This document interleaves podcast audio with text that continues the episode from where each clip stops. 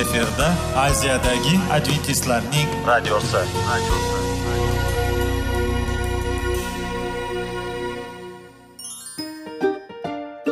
Assalomu alaykum aziz radio tinglovchilar. Sog'liq daqiqasi rubrikasiga xush kelibsiz.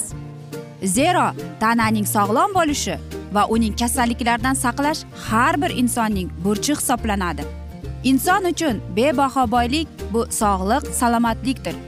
Uni asrash esa har birimizga omonat qilib berilgan.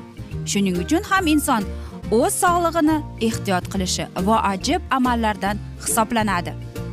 Dono xalqimiz sog'liq tuman boylik deb bejiz aytmagan. Aql idroq sohibi bo'lgan inson o'z hayotini qadrlashi lozim bo'ladi.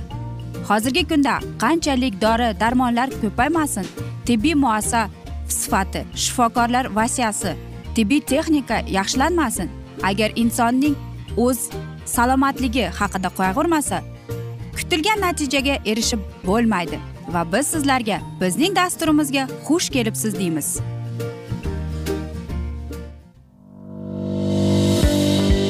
Sog'liq daqiqasi soliqning kaliti qiziqarli ma'lumotlar faktlar. Har kuni siz uchun foydali maslahatlar. Sog'liq daqiqasi rubrikasi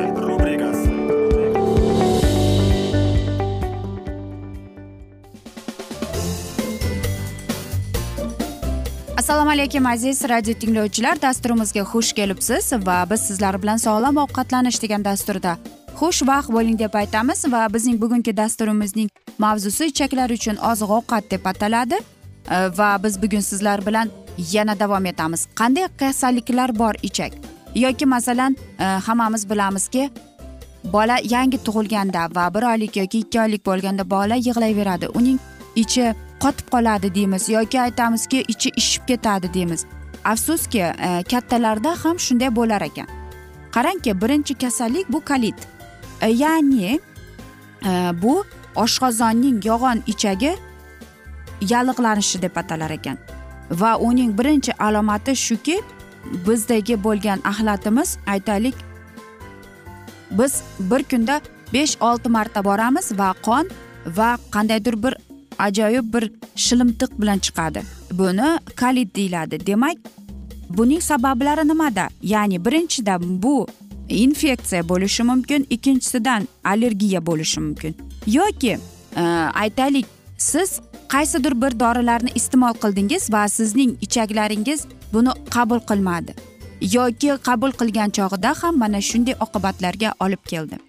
Xo'sh biz nima qilishimiz kerak? Qanday qilib mana shu daroda biz tez yordam berishimiz mumkin ichaklarimizga birinchidan bu yumshoq parhez ya'ni bu bug'doyning bug'doydan pishirilgan bo'tqa yoki lekin uni ko'p yeganlar ham aziz do'stlar bilasizmi ko'proq odamlar buni qabul qilolmaydi. Birinchi o'rinda aziz do'stlar siz o'zingizning ratsioningizdan qarangki sizda agar ich o'tgan bo'lsa agar ich o'tadigan bo'lsa qaynatilgan guruch yoki qaynatilgan suv iste'mol qilishimiz kerak. Ko'proq sabzavotlarni temir moddasini iste'mol qilishimiz kerak va albatta vitamin a ni yoki biz dasturxonimizdan o'zimizning ratsionimizdan nimani chiqarib tashlanishimiz kerak? Rafinlangan shakar. Pishiriliqlar e, sut qahva va albatta achchiq e, spetsiyalarni ham. Yana bir kasallik borki aziz do'stlar bu kron kasalligi deb ataladi. Bunda ichak kasalligi ya'ni ichak yalliqlanishi deydi. E, va qarangki biz yutinganimizda yoki mana shu bir narsa iste'mol qilganimizda og'rib qolsa nima qilishimiz mumkin? Biz faqatgina to'g'ri ovqatlanib to'g'ri o'zimizga bo'lgan e, taomnomalarni qabul qilishimiz kerak. Ko'proq mana shu biz aytgandek ich o'targa keltiradigan e, iste'mol qiladigan oziq ovqat kletchatka olish kerak. Va albatta yog' e, baliq yog'i temir moddasi va albatta foliyaviy kislota. Nimani biz o'zimizning ratsionimizda yo'q qilishimiz kerak shakar va gamburgerni afsus mana shunday kasallikda gamburger iste'mol qilish bu umuman noto'g'ri deb qolamiz yoki aytaylik yana biri bor bu yazva kaliti deb ataladi bu judayam bir og'ir va murakkab formaga kiradigan ya'ni xronik darsga kirib ketadi buning albatta sabablari hali izlab chiqarilmagan topilmagan lekin bilasizmi olimlar aytadiki bular yevropadagi ko'p odamlar mana shu kasal bilan e, kasal bo'lar ekan. Chunki ularda rafinirованный oziq ovqat e, u ya'ni bu ovqatlar go'sht bilan boy va judayam yog'li ovqatlar. Ular meva iste'mol qilmaydi e, aytadiki sabzavotlarni iste'mol qilmaydi shuning oqibatidan va uning alomatlari shundaki birinchi o'rinda ich o'tish diareya ya'ni Э, va yana shuni aytishadiki mm, oshqozoningiz ichak ichingiz og'rishni boshlaydi. Va qon borasiz tualetga. Va charchoq va albatta o'zingizning vazningizni yo'qotasiz. Shuning uchun ham agar sizda shunday bo'lsa shuni unutmangki agar siz e, shifokorga bormasangiz yoki o'zingizning sog'lig'ingizga e'tibor bermasangiz e, bu narsa saraton ichak kasalligiga olib kelar ekan. Xo'sh qanday qilish kerak deymizmi? Albatta buning davosi yo'q lekin olimlar aytadiki shifokorlar aytadi to'g'ri ovqatlanish kerak deydi. Ya'ni ich o'tar kasallikka bo'lgan parhezni tutish kerak. Ko'proq karamni ko'paytirishimiz kerak va albatta baliq yog'ini. Yoki ratsiondan yana e, gamburger go'sht degan narsalarni chiqarib tashlashimiz kerak. Va shundagina biz e, o'zimizning ichak ichaklarimizga e, mana shunday yengillik olib kelamiz. Albatta bu hamma o'ylaydiki bu oson emas. Lekin E, agar ichak kasal bo'lsa va biz o'zimizning ichaklarimizga befarq bo'lsak e, bu albatta yaxshilikka olib kelmaydi.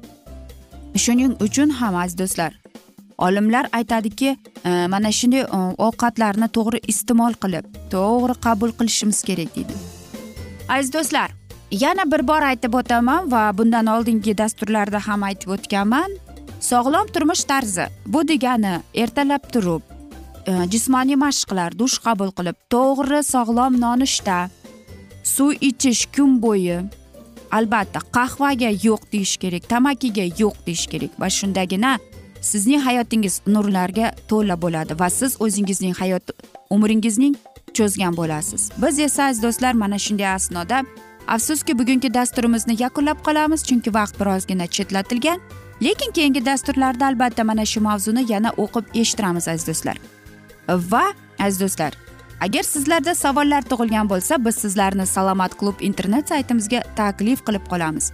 Yoki plyus bir uch yuz bir yetti yuz oltmish oltmish yetmish plyus bir uch yuz bir yetti yuz oltmish oltmish yetmish bu bizning whatsapp raqamimiz.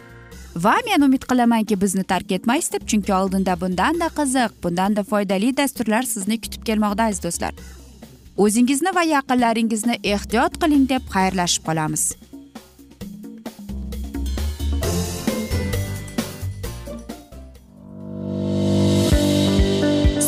Daqiqasi soliqning kaliti qiziqarli ma'lumotlar faktlar.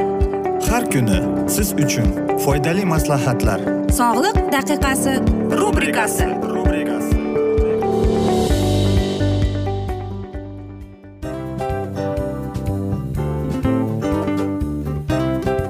mana ha hayotda hamma narsaning yaxshi narsalar tugaydi va yakunlaydi degandek bizning dasturimizga ham yakun keldi.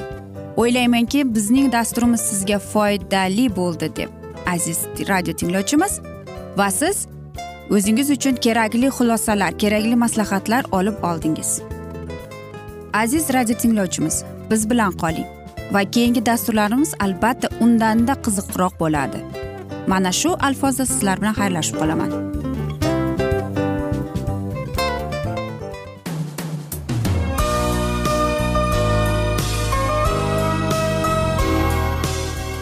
Efirda aziyadagi adventistlarning radiosi.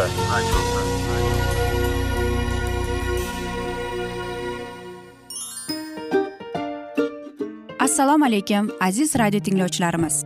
Dil izhori dasturimizga xush kelibsiz. Pul insonni baxtli qiladimi? Albatta yo'q.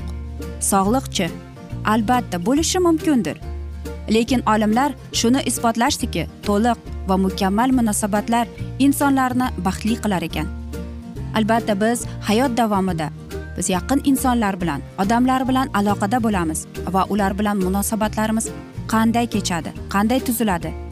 Yigit va qiz er va xotin ota ona va farzandlar va yaqin insonlar bilan. Balkim hozirgi vaqtda kimnidir hayoti yoki munosabatlari buzilyapti. Va bizning dasturlarimiz ularga yordam bo'ladi deb. Va oldinda sizlarni qiziqarli intervyular va mavzular kutyapti va biz umid qilamizki siz biz bilan qolasiz deb.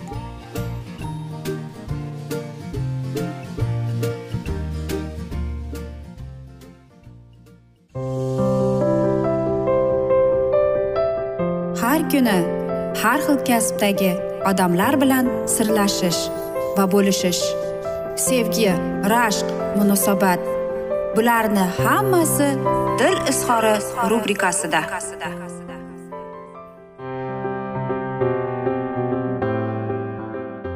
Assalomu alaykum aziz eh, radio tinglovchilar. Dasturimizga xush kelibsiz. Va biz sizlar bilan izlash va ushlab qolish degan dasturda xushvaqt bo'ling deb aytamiz. Va bugungi bizning dasturlarimizning mavzusi bu er xotin munosabatlaridagi eng katta xato deb ataladi.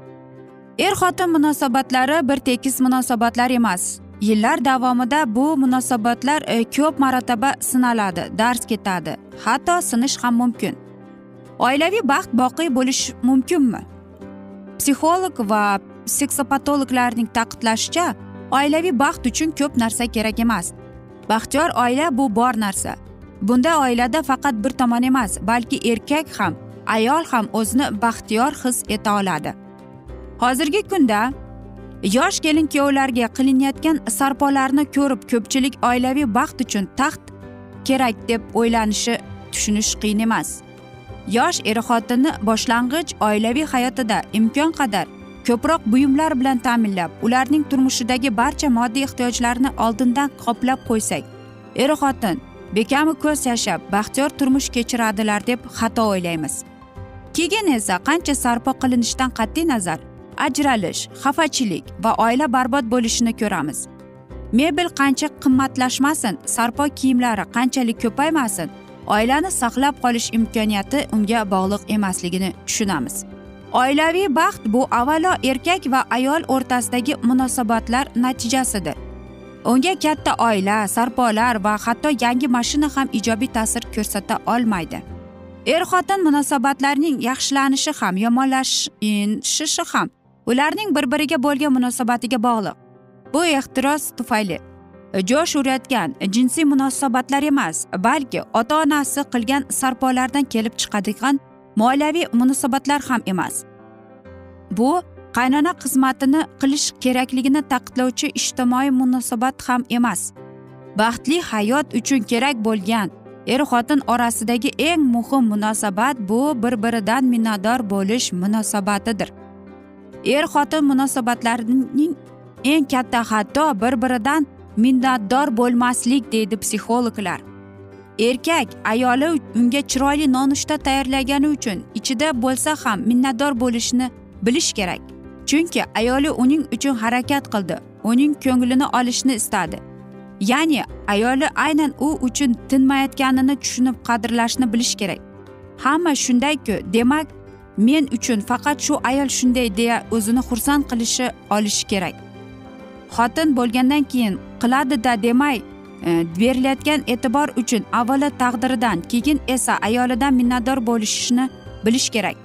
Ayol ham eridan minnatdor bo'lishni o'rganishi lozim. Bozorlik qilib kelsa uning uchun bolalari uchun harakat qilayotganini tushunishi kerak. Tunda unga yoqimli harakat qilayotganini sezgan ayol ichida bo'lsa ham eridan minnatdor bo'lishi kerak. Chiroyli kiyim yoki sovg'a so'rab olib eriga bor xursandchiligini ko'rsata bilishi kerak. Ayolmi erkakmi? O'z turmush o'rtog'idan olayotgan barcha munosabatni norma singari qabul qilishi noto'g'ri. Oila degani kemani cho'g'ib ketmasligi uchun ikkovi harakat qilayotgan bo'lsa demak ular bir biri uchun harakat qilmoqda. Shuni ikkovi ham anglashi lozim. Minnatdorchilik insonni qanoatlantiradi. Ota onasini qarzga botirib uyni yasattirayotgan ayol eridan minnatdor bo'la olarmikin? Kuyovlik xizmatini qilmay turib bosh oyoq ta'minlab qo'yilgan er ayolini qadrlay olarmikin? Psixologning qaysi rukuniga yuzlamang baxtli munosabatlarning negizida minnatdorchilik hissi yotadi. Va qarang lekin ozmi ko'pmi oilam uyim joyim bola chaqam deydigan erkak va ayol o'zaro bir birlariga minnatdorchilik hissini ko'rsatishni o'rganishlari lozim. Ko'chadan non olib kelsa ham o'pib qo'ying ertasiga muzqaymoq keladi. Nonushtaga erta turib quymoq tayyorladimi o'pib qo'ying ertasi kuni somsa ko'rasiz. Biz esa ko'pincha sheriklarimizning kamchiliklarini yakkol sezamiz ularga urg'u beramiz to'g'irlashga harakat qilamiz yoki shu deb ranjib qo'yamiz. Kunda qilinayotgan yaxshi amallarga esa oddiy holdek qaraymiz. Ko'zga ko'rinarli joyga qoldirilgan birgina rahmat yozuvi. Uni o'qigan insonning qalbini bir zumda yoritishga oladi. Sinab ko'ring bugun turmush o'rtog'ingizga har kuni qilib yuradigan biron ish uchun undan minnatdor ekanligingizni ko'rsating. U ish mayda bo'lsa ham minnatdor ekanligingizni sezsin. O'pib qo'ying minnatdorchilik so'zlarini ayting. Xursandchiligingizni namoyon qiling. Qilgan oddiy ishni sovg'a singari qabul qiling. Natijasi sizni juda tez xursand qilishiga aminmiz. Albatta aziz do'stlar nimaki bo'lgan nimaki qilsak nimaki bo'lgan chog'ida ham biz mayda chuyda qilayotgan bizni mana shunday sevgilimiz bizning turmush o'rtog'imiz qilayotgan ishiga minnatdorchilik bo'lishimiz kerak. Mana qarang psixologlarning hattoki aytishicha munosabatlarni eng katta xatosi bu bir biridan minnatdor bo'lmaslik. Ya'ni miq qoqib qo'ydimi? Qaramang. Minnatdor ayting. Rahmat ayting unga. Turmush o'rtog'ingiz shirin taomnoma pishirib berdimi? Minnatdor bo'ling. Va albatta psixologlarning aytishicha ko'p sizni narsalar kutadi keyinchalik minnatdorchilik bo'lish bu eng katta va eng muhim ish deb o'ylayman va bu boshqa insonni yuzida tabassum ko'rishga arziydi deyman biz esa mana shunday asnoda aziz do'stlar afsuski bugungi dasturimizni yakunlab qolamiz chunki vaqt birozgina chetlatilgan. Lekin keyingi dasturlarda albatta mana shu mavzuni yana o'qib eshittiramiz. Va agar sizlarda savollar tug'ilgan bo'lsa aziz do'stlar biz sizlarni whatsapp raqamimizni taklif qilamiz. Plyus bir uch yuz bir yetti yuz oltmish oltmish yetmish plyus bir uch yuz bir yetti yuz oltmish oltmish yetmish bu bizning whatsapp raqamimiz. Barcha qiziqtirayotgan savollaringizga javob beramiz deymiz. Va men umid qilamanki bizni tark etmaysiz deb chunki oldinda bundanda qiziq bundanda foydali dasturlar kutib kelmoqda sizlarni. Biz esa sizlarga va oilangizga sog'lik salomatlik tilab seving seviling deb xayrlashib qolamiz.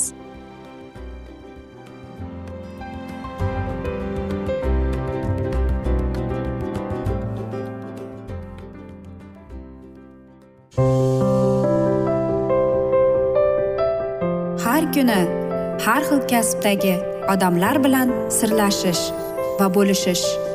Sevgi rashq munosabat bularni hammasi dil izhori rubrikasida. Mana aziz radio tinglovchimiz bizning go'zal va foydali va chiroyli dasturimiz yakunlanib bormoqda. Sizlarga birozgina maslahat berib o'tmoqchi edik. Bir biringizni seving qadringizga yeting va erkalang albatta bir biringizni va sizga judayam chiroyli va mustahkam munosabatlar tilab qolamiz albatta. Sevgilingiz doimo yoningizda bo'lsin. Mana shu borada sizlar bilan xayrlashib qolamiz. Xayr.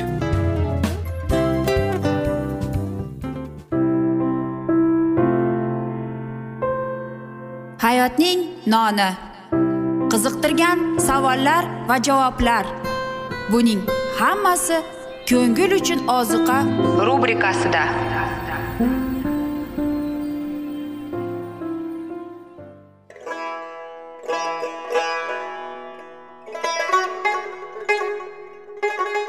Assalomu alaykum aziz radio tinglovchilarimiz.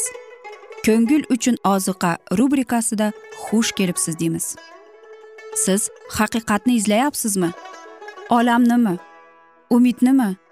Siz kimga murojaat qilmoqchisiz? Odamlar ko'pincha siyosat kuchiga tayanadilar. Dunyo iqtisodiyoti holati tobora chuqurlashib bormoqda.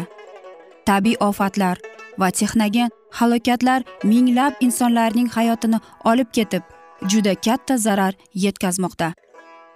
Sizga abadiy hayot inomini hadya qiluvchi va hayotingizni tubdan o'zgartiruvchi haqiqatni izlab toping. Xudo haqidagi haqiqat uning kalomida mujassamlashgan. Kimki bu haqiqatni butun qalbi bilan izlasa albatta unga yetishadi. Bu sevgi xudoning tarixidir. Hayotingizda yoki sizning yon atrofingizdagi olamda nimalar yuz berishidan qat'iy nazar? Siz ertagi kunga buyuk umid va ishonch hosil qilishingiz mumkin. Hozirda xudo sizga taklif qilayotgan umid ishonchga o'z qalbingizni oching va sizni qiziqtirayotgan mavzularni savollaringizga javoblaringizni topib olasiz deb umid qilamiz. Biz bilan qoling.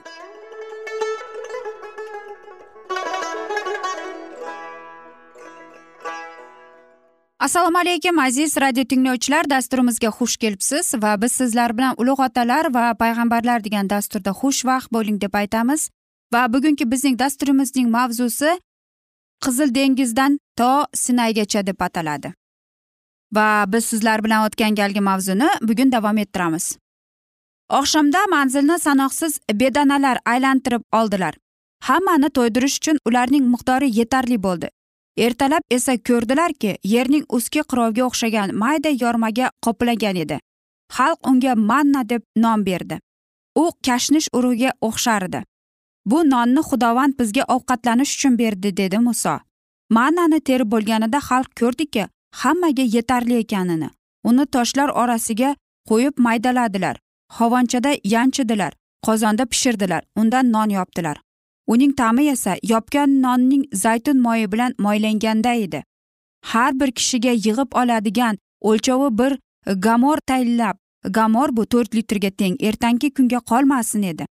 Qaysi birlari ikkinchi kunga saqlab qolmoqchi bo'ldilar lekin yeyishga yaramadi. Mannani erta tongda turib butun kunga yig'ish kerak edi. Chunki yerda qolgani quyosh nuridan erib ketar edi mannani yiqqanda qay birlari aytilgandan ko'proq boshqalari qaymoq yig'ishgani namoyon bo'ldi. Lekin gamor o'lchovi bilan o'lchaganda ko'p yig'inaki ortib qolmabdi. Kamroq yig'ingasida esa endi har bir yig'ingan yeb bitirar o'lchovini yig'ibdi. Karin finklarga yozgan ikkinchi maktubida havoriy pavl tavrotda yozilganini izohlaydi va o'qigandan keyin qanday amaliy foydaga yetishib bo'lishini ko'rsatdi. Э, boshqalarga yengillik bo'lib sizlarga esa og'irlik tushmasligi kerak. Ammo baribir tenglik bo'lsin. Hozirda sizlardagi baraka ulardagi yetishmovchiliklarni to'ldirsin. Boshqa vaqtda ulardagi baraka sizlardagi kamchiliklarni to'ldirsin. Shu yosin tenglik bo'lsin. Tavrotda yozilgandek ko'p to'planganda ortig'i bo'lmadi oz to'plaganda kami bo'lmadi. Oltinchi kunda xalq har bir kishiga ikki gamordan yig'di. Shaharning oqsoqollari qilinganini musoga tezda yetkazdilar. U e, javoban ularga mana xudovand nima dedi? Ertaga orom topish kun. Xudovandning muqaddas shanbasi yopadiganini bugun yopinglar. Pishirish keragini bugun pishiringlar. Ortib qolganini olib qo'yib ertangiga saqlanglar. Shunday ular shunday qildilarki va qolgan taomlarni achimaganiga o'zlari shohid bo'ldilar. Va muso dedi uni bugun taomlarning zero butun bugun xudovandning shanbasi bugun uni dashtda topmaysiz deb. Olti kun mannani yig'ing yettinchi kun esa shanba shanba kunini uni dashtda bo'lmaydi. Xudo talab qiladiki bugun uning muqaddas kunini qadimgi isroilda qadrlagandek kabi muqaddas qalinib amal bo'lishni azaldan bo'lganining yahudiylarga bergan buyruqlarini hamma imonlilar tan olishlari lozim. Shanba kuni oldidan butun kun keladigan muqaddas soatlarga tayyorgarlikka isrof qilinishi kerak. Ushbu muqaddas vaqtda har kun qilinadigan oddiy ishlar naqadar zarur bo'lsa ham to'xtatilsin. Xudo bemor va azob chekkanlarga g'amxo'rlik ko'rsatishni buyurdi. Shuning uchun ularning holatini yengillashtiradigan xizmat rahmli ish bo'lib shanba kunini buzmaydi. Ammo har qanday juda zarur bo'lmagan ishni bir chetda olib qo'yishi kerak. Ko'plar beparvorlikka juma kunda qilib taomlaydigan mayda chuyda ishlarni shanba kunining borishiga qoldirdilar. Shunday bo'lmasin. Shanba boshlanib ishingiz tugamagunga uni chetga qo'yib shanba tamom bo'lganidan keyin davom etsa bo'ladi. Shanba kuniga shunday muomala beparvo masihiylarga o'z ishlariga e'tibor berib olti ish kunlari davomida ulgurishga yordamlashadi. Isroil xalqining sahro bo'ylab musofircha yashagan uzoq yillar mobaynida har hafta odamlar uch barobarli mo'jiza ko'rardilar. Ushbu mo'jizalar ularning ongida shanba kunining muqaddasligini muhrlashi kerak edi. Oltinchi kunda osmondan ikki baravar miqdorda manna tushardi. Yettinchi kun tushmasda lekin juma kunida terilgan oziq shanba kuniga tayinlangan bo'lib yangi va shirin saqlanardi. Agar boshqa kun ko'proq yig'ilsa u buzilib taomlashga yaroqli bo'lmas edi. Manna bilan bog'langan har narsada biz qat'iy dalilni ko'rmoqdamiz. Ya'ni ko'plar isbotlashga intilganday shanba kunni sinay tog'ida berilgan qonun bilan bir vaqtda tayinlaydigan isroilliklar sinayga yetishlaridan uzoq vaqt oldin ular shanbani amal qilish kerakligini va hammaga muhim ekanini tushunadilar. Har juma kunida ikki barobar miqdorda mannani terib olinadigan zarurat ularni shanba kuniga manna tushmaganida tayyorlab onglarida orom topish kunining muqaddas mohiyatini muhrlandi va qaysi birlarini shanba kunida manna terganini chiqqanlarida xudovand so'radi. Qachongacha mening ahdlarimni va mening qonunlarimni amal qilishdan bosh tortasizlar deb. Isroil o'g'irlari nazr atalgan yerga kelmaguncha qirq yil manni yedi yedi yedilar. Ma'nani yedilar. Ular qanon diyoriga yetib kelmaguncha qirq yil mobaynida. Xalqni bu ajoyib ta'minlash har kuni xudoning o'zgarmas g'amxo'rligi va uning nazokatli sevgisini eslatar edi. Dovud payg'ambar so'zi bo'yicha xudo ularga samoviy g'alla berdi. Odamlar farishtalar nonini yedi ya'ni farishtalar uchun tayyorlangan ozuqani. Samoviy noni bilan ta'minlab odamlar har kuni o'z tajribasida shuni bilardiki aynan xudoning nazrlarini saqlagan xuddi mo'l hosil beradigan kanon tekislaklarni ularni aylantirib olinganday. Ular hamma kerakli narsalar bilan albatta ta'minlashlariga. Aziz do'stlar biz esa mana shunday asnoda bugungi dasturimizni yakunlab qolamiz chunki vaqt birozgina chetlatilgan. Lekin sizlarda savollar bo'lsa biz sizlarni plyus bir uch yuz bir yetti yuz oltmish oltmish yetmish bu bizning whatsapp raqamimiz murojaat etsangiz bo'ladi. Va umid qilamanki bizni tark etmaysiz deb chunki oldinda bundanda qiziq va foydali dasturlar kutib kelmoqda. Biz esa sizlarga va oilangizga tinchlik totuvlik tilab o'zingizni va yaqinlaringizni ehtiyot qiling deb xayrlashib qolamiz.